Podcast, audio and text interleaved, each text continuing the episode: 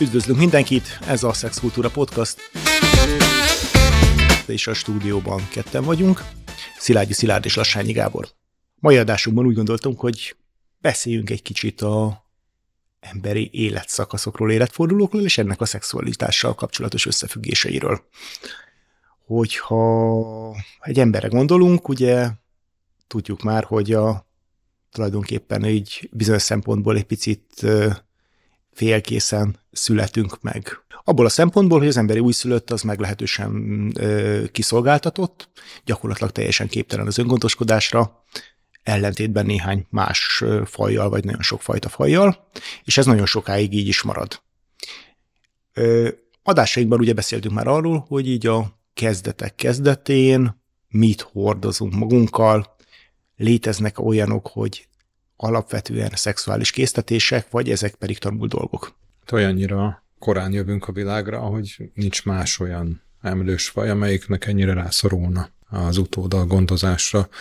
Az, hogy milyen szexuális ismeretekkel rendelkezünk, én azt gondolom, hogy ismerettel nem rendelkezünk. Uh-huh. Majd fogunk beszélni más adásban a szexuális irányultságról, a szexuális orientációról. A szexuális orientációval születünk. Igen, viszont ugye megvannak a rendelkezésre állnak a nemi szerveink, és ha jól tudom, arra már vannak vizsgálatok, vagy hogy például mondjuk a fiú magzatoknak már a anyamében tulajdonképpen működik a, a pénisze, valamennyire tudott már tud erektált állapotban lenni, emerált állapotban lenni, sőt, hát azt mondják, hogy tulajdonképpen még a köldögzsírót is így tudja egy kicsit azzal birizgálni. Mi a helyzet ezzel? Ez tényleg így van? Hát én erre vonatkozó kutatásokat uh-huh. nem ismerek. Uh-huh. Tehát azt tudjuk, hogy óvodás korban már az önmagam irányt és mások iránt megnyilvánuló szexuális érdeklődés az megvan. Uh-huh de nem magának valószínűleg a gyönyörérzetnek, vagy annak, hogy ez valami kellemes dolog, hogyha mondjuk akár a péniszét érinti saját magának, akár annak mondjuk pozitívan érinti, ezt tud a babának, vagy, a új, vagy az újszülöttek is már örömet okozni. Szerintem ez nagyon egyénfüggő. Uh-huh, uh-huh. Ez egy nagyon fontos dolog, uh-huh. amit kérdezel. Uh-huh. Vannak kutatások, amik most már igazolták azt, hogy van egy olyan agyterület, amit a kutatók nem hivatalosan egyébként genitális agyterületnek uh-huh. neveztek el. A férfiaknál nem csak a hímbeszőt tartalmazza, hanem a gátat, a heréket, a, here, a herezacskót, a péniszt, a, a comb belső részét, ezek mind mind, mind a genitális sorásba futnak be. A nőknél ugyanez van a comb belső részétől a hüvelybe meneten át, a mély nyakig egyébként, uh-huh. tehát ez egy nagyon érdekes dolog. És az, hogy ennek a beidegződése mennyire történik meg, az nagyon egyénfüggő. Uh-huh. Tehát vannak olyan emberek, akiknek már nagyon korai gyerekkorban ez élvezetet okoz, és vannak emberek, akiknek ez a fejlődés sokkal későbbi uh-huh. szakaszában 10-11-12 éves korban mondjuk úgy, hogy drótozódik be. Aha, aha, aha.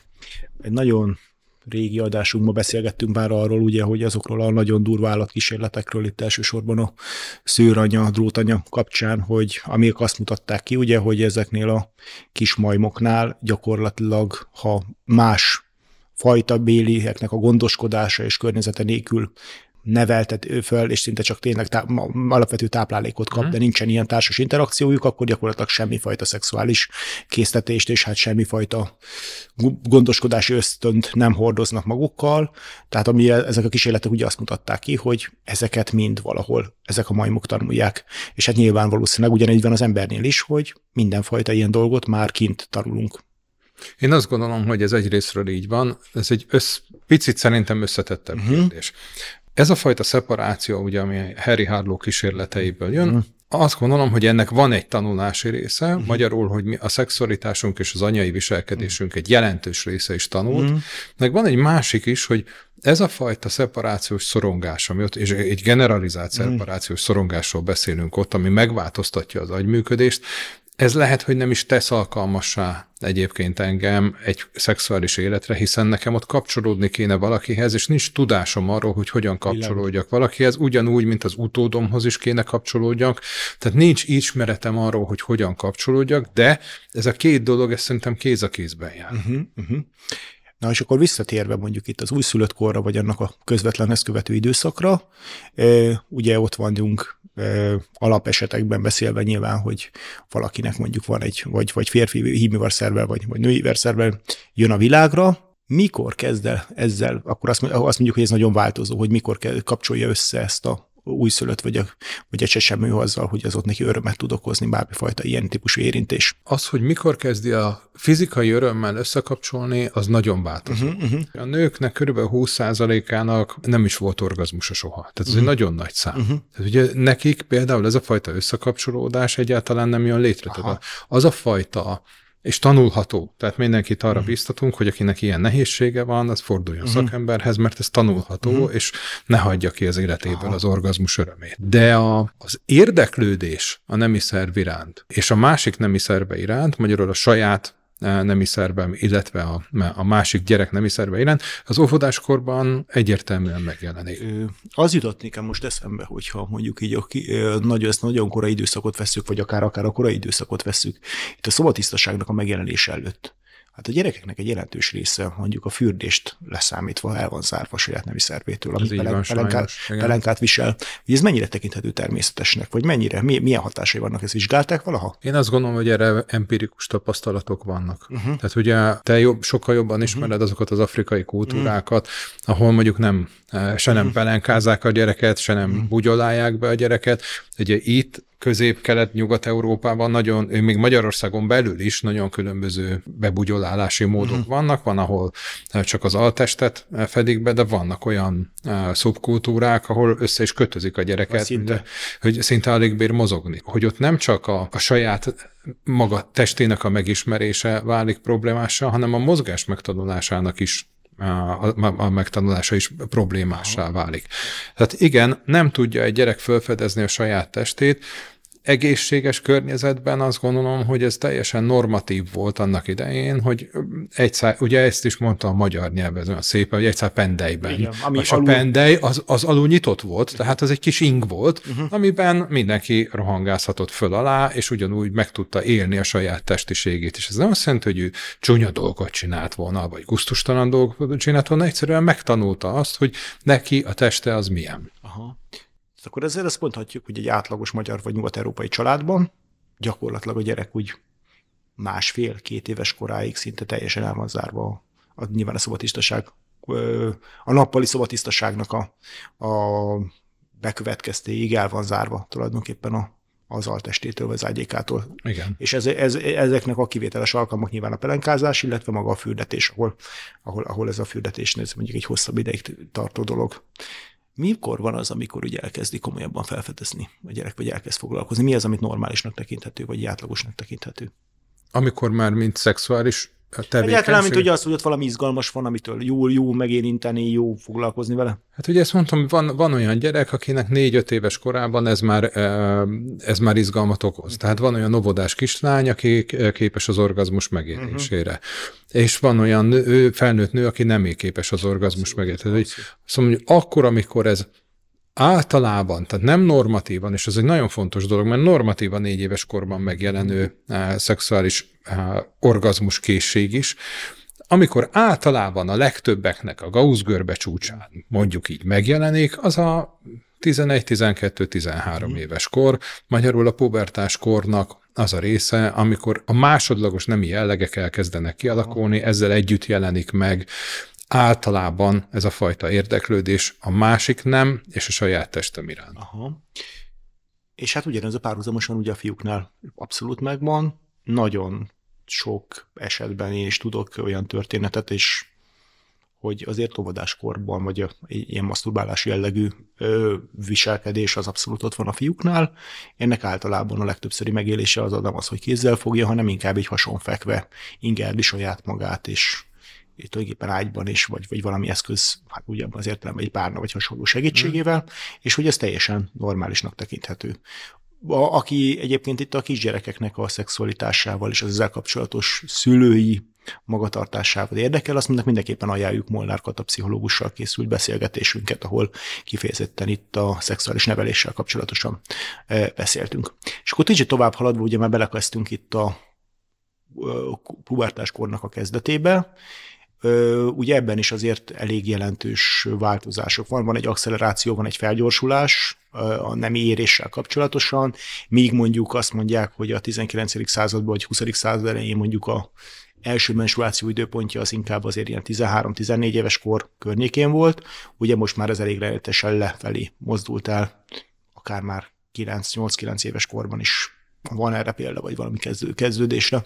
Tudjuk egyébként annak, hogy mi lehet az oka ennek a gyorsult nem ér, érésnek, vagy felgyorsult nem Hipotézisek ér... vannak, uh-huh. például a táplálkozás összefügg azzal a fajta fizikai jól léttel, amiben vagyunk, nem kell fázni, nem kell menekülni, nem, tehát egy, egy fizikai, testi biztonságban élünk, amelyik egy bizonyos határig földgyorsította ezt a folyamatot. Uh-huh. Más kérdés az, hogy a kihívásoknak az elmaradása, mert ez nem kihívás, hogy három, gyerek, három nyelvet tudjon a gyerek, azok a fajta mentális kihívások, amiknek meg kéne felelni, azok viszont éppen, hogy kitolódtak. Amíg régebben a fizikai és mentális érés az relatív közel esett egymáshoz, uh-huh. addig mostanra azt lehet mondani, hogy a 11-13 éves kor közé esik uh-huh. a, a, a fizikai érésnek az a megjelenése, amikor az orgazmus készség mondjuk a fiúknál megjelenik, a mentális érés az pedig az pedig igen erősen kitolódott 20 éves kor. Abszolút.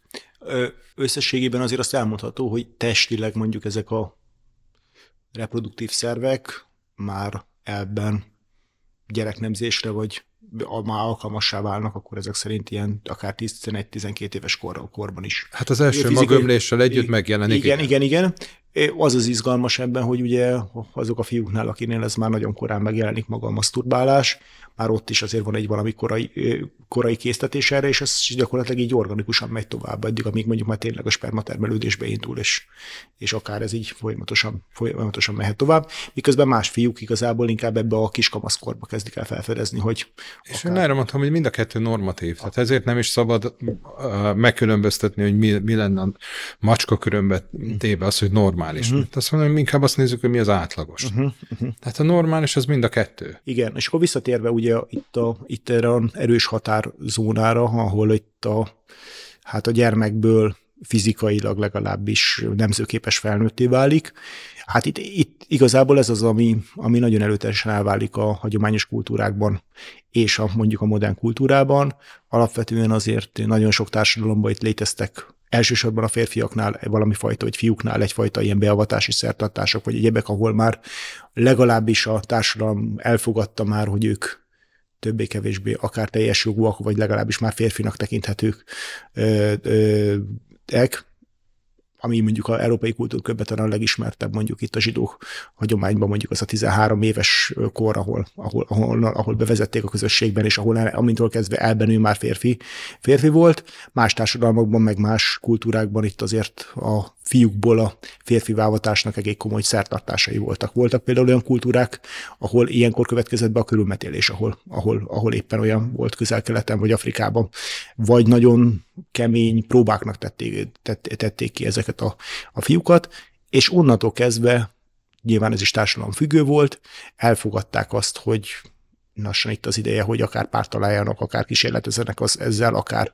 akár szexuális életet éljenek a, a társ, annak az adott társadalomnak a szabályai szerint. Amiről te beszélsz, ugye akár a zsidó, akár a keresztény kultúrát nézzük, nem csak a fiúknál, a lányoknál is ugyanúgy megvolt ez a beavatás. Uh-huh. Teljesen mindegy, hogy melyik európai kultúrát nézzük, ennek a felnőtti avatásnak megvolt a maga ideje, meg volt a maga szertartása. Például a paraszti kultúrában Magyarországon ehhez kötötték azt, hogy milyen díjat kap azért a munkáért. Uh-huh. Tehát, mhm. hogy a, amikor már valaki elérte azt a kort, hogy őt felnőttnek tekintették, onnantól kezdve teljes napi díjat kapott igen. például a munkájáért. És akkor jöttek ezek a korok a felvilágosodás kortól kezdve, vagy ahol a polgári társadalmaktól kezdve, hogy azt mondjuk, hogy húzunk egy határt, uh-huh. akár 18-at, akár 21 évet, hogy innentől kezdve tekintjük teljesen nagykorúnak, és hát ebből születnek meg azok a nagyon bizarr társadalmak, hogy mondjuk később lehet mondjuk például az Egyesült Államokban elben alkoholt fogyasztani, mint mondjuk fegyvert viselni, vagy, a, autót, vezetni. vagy autót vezetni, tehát hogy, hogy ezek, ezek már inkább ö, olyan fiktív számok lettek, amik nyilván az egyén számára, az egyéni fejlődés szempontjából semmit nem fednek le, inkább azt, hogy innentől kezdve tekint mondjuk a jog bizonyos szempontból felnőttként az egyénre. Igen, csak ez egy fontos kérdés volt annak idején, hogy ezek a szertartások, vagy rítusok, vagy beavatások, ezek mindig a közösség előtt történtek, és mindig egyfajta mérföldkövet jelentettek eh, az emberi fejlődés, a, a személyiség fejlődésben is. Tehát amikor engem felnőtté avattak, akkor átadták nekem azt, azt a felelősséget, hogy innentől kezdve én magamért vagyok felelős.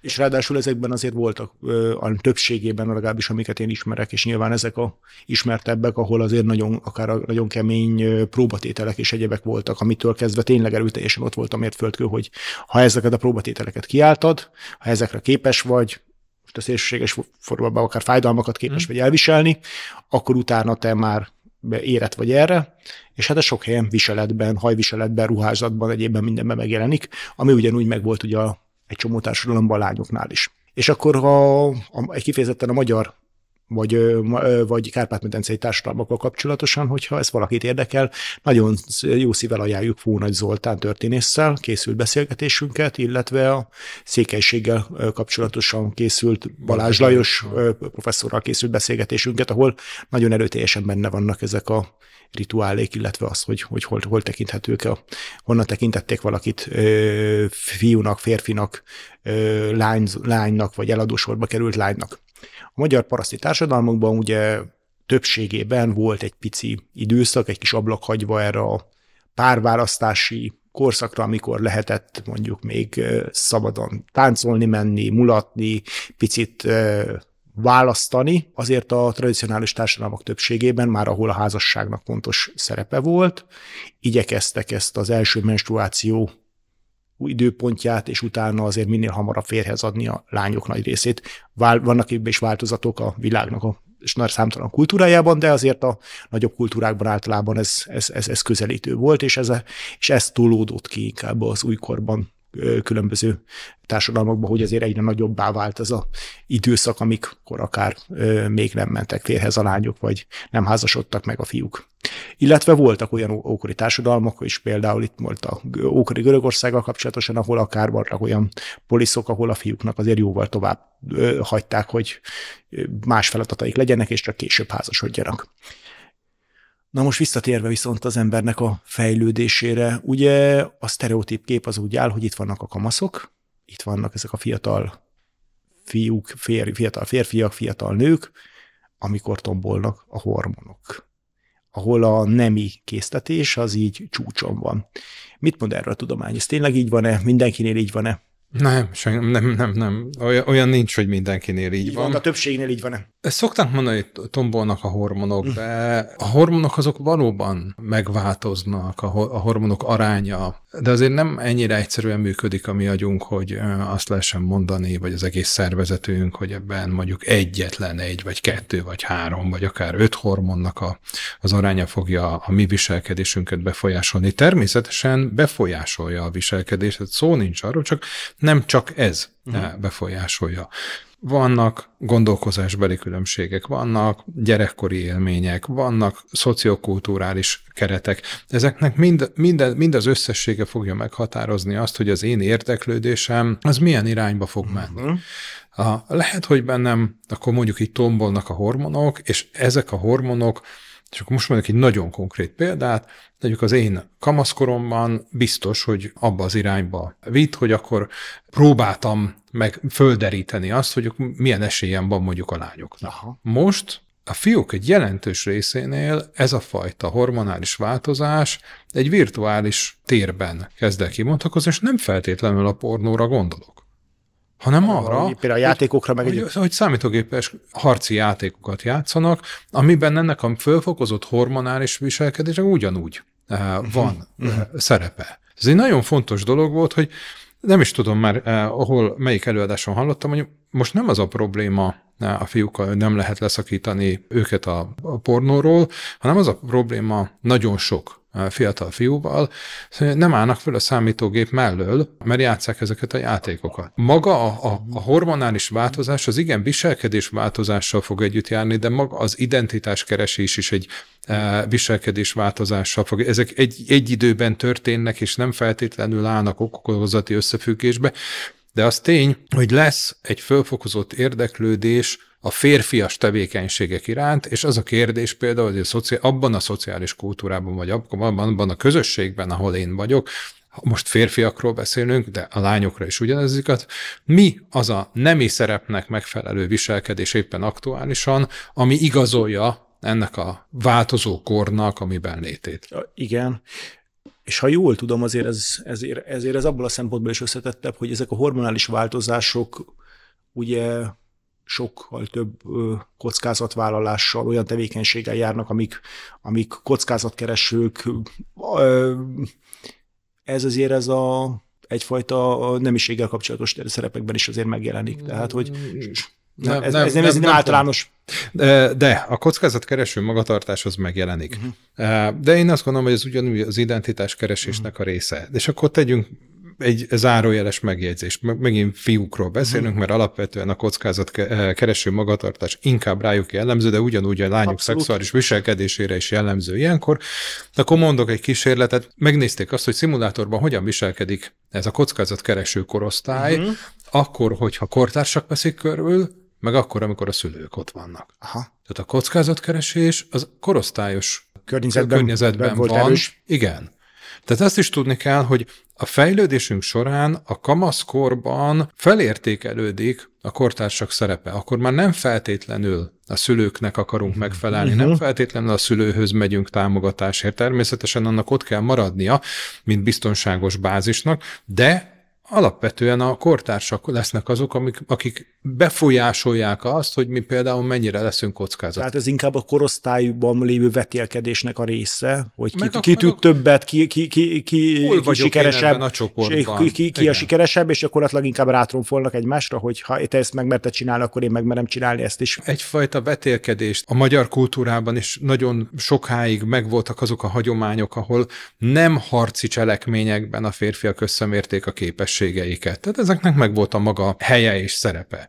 Sokkal inkább arról van szó a kockázatkeresésnél, hogy a homloklebeinek az a része, amelyik a, a következményekkel szá, való számolásért felel, ami a belátásért felel, az ilyen fi, fiúknál 23, akár 25 éves korra érik meg. Tehát, hogy nincs meg az a képesség, és ez egy nagyon fontos dolog, hogy, belássa, hogy, hogy belássa veszély... az, hogy ez veszélyforrás. Ezért ebbe belehalhat, hogy igen. bizonyos tevékenységekben. Lányoknál ez hamarabb megjelenik, náluk ilyen 21-22 éves korra ez az érés már megtörténik. Oké, okay, tehát akkor azt mondhatjuk, hogy ez be ugyan van a női-férfi időben különbség, de ez meg lenne mind a két nemnél, és ez inkább már szociális kérdés volt nagyon sokáig, hogy mondjuk a lányok mit mertek megengedni. A lányok másképp vetélkednek. Aha, aha, aha. Ott ugye nem feltétlenül a direkt konfrontáció, ott az intrikák, uh-huh. az egymás nézegetése, az, a szépséggel való vetélkedés, uh-huh. és ebbe tudnak beleőrülni most nagyon okay. sokan. De a visszatérve konkrétan a szexualitásra, ez a fajta hormonszint, ez a fajta fiatalság,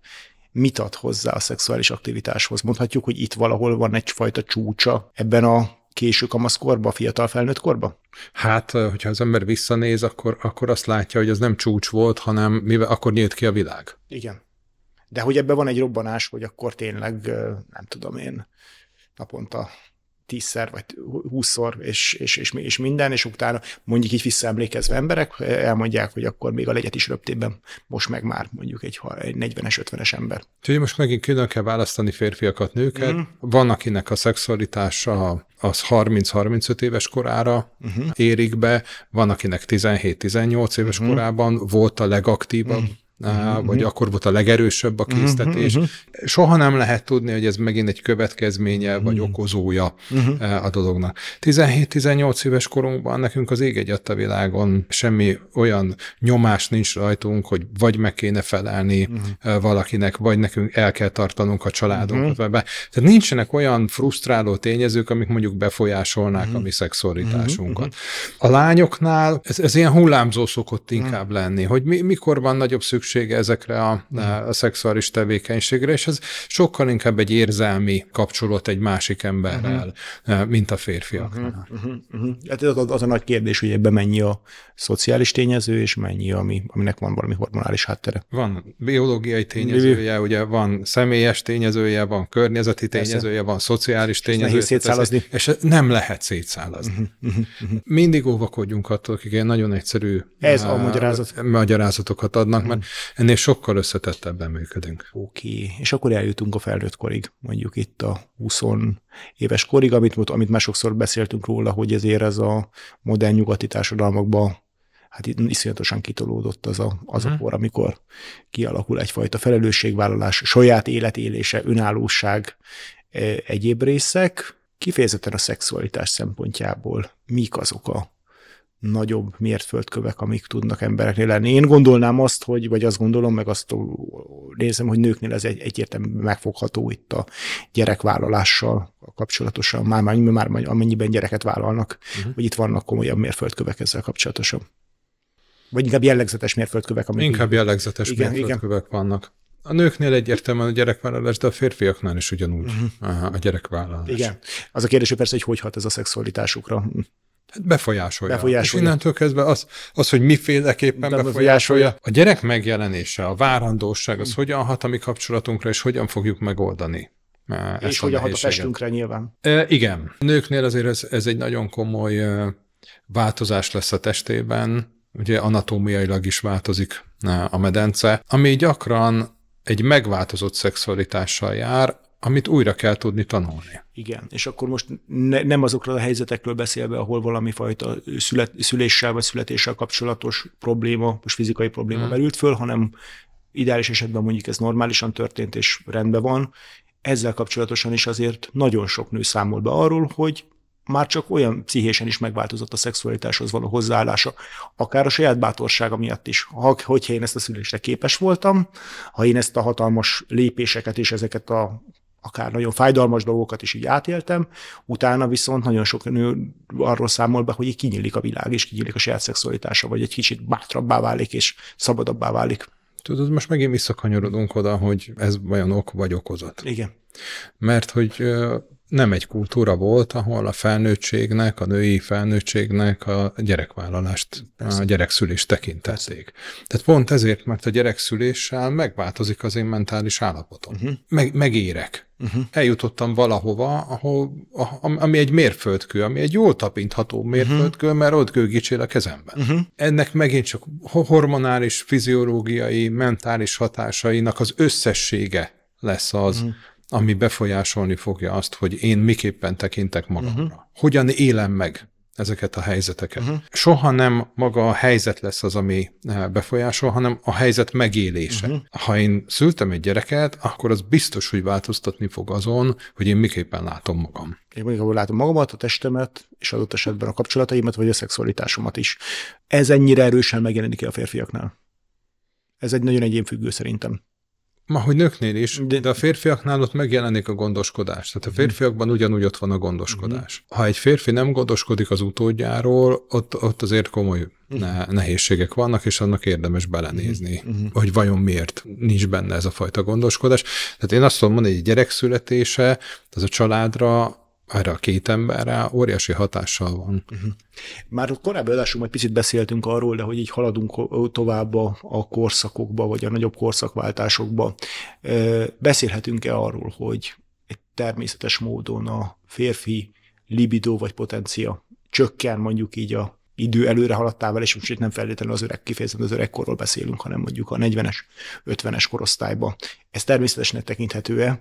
És akkor erről már ugye beszéltünk, hogy itt önmagában az, hogy a tesztoszteron szint valamilyen minimálisan csökken, ez, ezt nem tudjuk, hogy ez ok, és ok, ok, vagy, mhm. ok vagy okozat. Igen, mert hogy nem tudjuk, hogy a tesztoszteron szint azért csökken, mert csökken az érdeklődésem a partnerem iránt, vagy azért csökken az érdeklődésem a partnerem iránt, mert csökken a tesztoszteron szintem. Igen, igen. Ha már Balázs Lajos professzor urat említettünk, akkor az ő könyvében van nem egy olyan eset, amikor azt mondják a 70 éves asszonyok, hogy már a hátok mögé két méterrel kívánják az urukat, aki 80 éves, természetesen még mindig naponta kétszer akarja meghágni. Mm.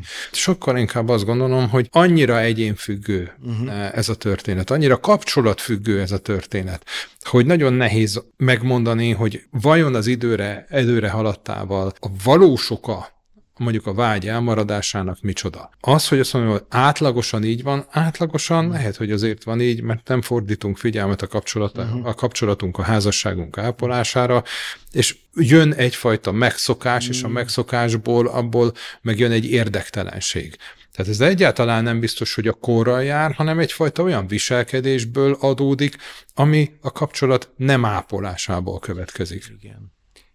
Visszatérve ugye a nőkre, már beszéltünk itt a menopauza kapcsán arról, hogy önmagában a menopauza azzal együtt is, hogy vagy bizonyos módon megváltozik a női test, és mondjuk elsősorban a, az a, a, a, a altesti nemi szerveknek a, akár a nedvessége, egyéb, egyéb, egyéb tulajdonsága, önmagában ennek fizikailag nem kellene, hogy gátat, gátat szabjon akár az örömteli szexualitásnak, miközben azért azt is tudjuk, hogy egy csomó társadalom már gyerekszülés után egy bizonyos korszakban már nem tekintette a nőt, nőt számára idézőjelben normálisnak azt, hogy ő még nem életet éljen. Voltak olyan társadalmak, ahol ott kezdve már főleg a menopauza után már nem tekintették nőnek. Ez, ez nyilván a modern társadalmakban ez egyáltalán nem kell, hogy így legyen. És hogy itt is visszahat önmagamra az a gondolkozás, hogy én hogyan élem meg mondjuk a menstruáció elmaradását. Mm. Tehát minden, amit én tudok, az a környezetemből származik, mm. abból a mikroközösségből, vagy közep, a közvetlen, vagy tágabb környezetemből, abból a kultúrából, abból a hiedelemrendszerből, mm. amiben, én, amiben én élek. És ennek óriási hatása van arra, hogy én miképpen gondolkozom és élem meg ezt a helyzetet. Magyarul, ha én nekem van egy olyan ismeretem, tudásom vagy hiedelmem arról, hogy a menstruáció elmaradása az alapvetően befolyásolja a nőiségemet, a női mi voltom megélését, akkor igenis lesz hatása arra, hogy én miképpen fogom magamat látni, és miképpen fogom ezt megélni.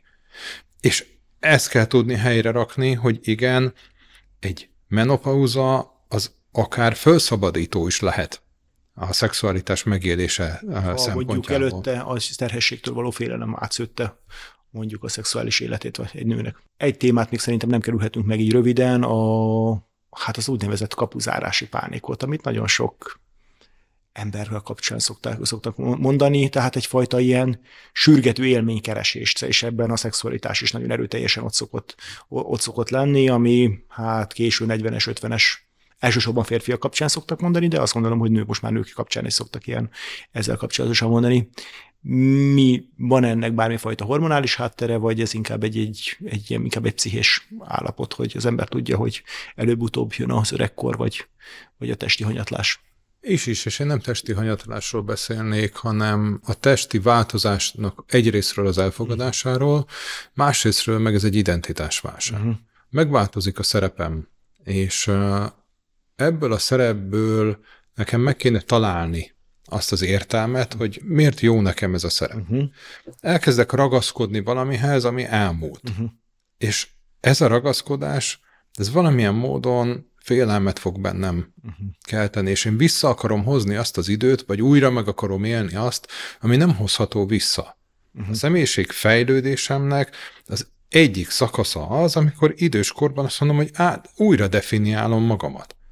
Amikor már nem kell gondoskodjak a gyerekről, de még egy relatív aktív időszakomban élek, és ott nekem tudnom kell magamról valamiféle elképzelést Igen. létrehozni, hogy miért vagyok én itt. És ez az értelem keresése az életemnek, ha ez nem valósul meg, akkor én szenvedni fogok tőle. Így van, és hát van, aki erre azt a választ adja, vagy ö, próbálja, és itt, itt nyilván a férfiakról van szó, hiszen ők még potencia, vagy hát spermatermelés miatt megtehetik, hogy esetleg teljesen új családot alapítanak, és megpróbálnak egy fiatalabb nővel úgy gyakorlatilag új, látszólag újra kezdeni az egész családalapítást, és a kisgyerek nevelést, és egyéb dolgot. Meg lehet próbálni. Nyilván fizikailag menni fog de abba is gondoljon bele valaki, hogy mondjuk akármilyen jól tartja magát, 65-70 éves korára ő már fizikailag nem lesz abban az állapotban, hogy valódi partnere tudjon lenni mondjuk egy Igen. tizenéves gyereknek. Igen, hát ez egy, ez, erről beszéltünk ugye az életkor korkülönbség és, és kapcsán, korkülönbséges epizódunkban. van-e végső határa a szexuális életnek így az emberi korban? Nincsen. De hogyha lehetne, ilyen határ, nem egy embertől hallottam már, hogy ő úgy szeretne meghalni, hogy orgazmus közben. Igen, tehát hogy valahol azért a hormontermelés, ezek a tesztoszteron meg egyéb szintek csökkennek, ez nagyon ugye egyénfüggő, hogy van-e vágy, és ahogy a, ugye a Balázs Lajosnak a, a, talán a könyvében is volt, hogy már a, még a vágy, vágy megvan, de, de, de már az erő nincsen meg hozzá, úgyhogy ez, ez változó, de azért interjúkból kiderül, hogy bizony 70, akár 80 évesen is vannak emberek, akik örömteli szexuális életet tudnak élni. Úgyhogy ugyanezt kívánjuk a hallgatóinknak is, és ha kérdésetek, véleményetek, esetleg témaötletetek lenne, akkor keressetek minket az Instagramon, a Facebookon, vagy pedig e-mailben. Köszönjük szépen a figyelmet!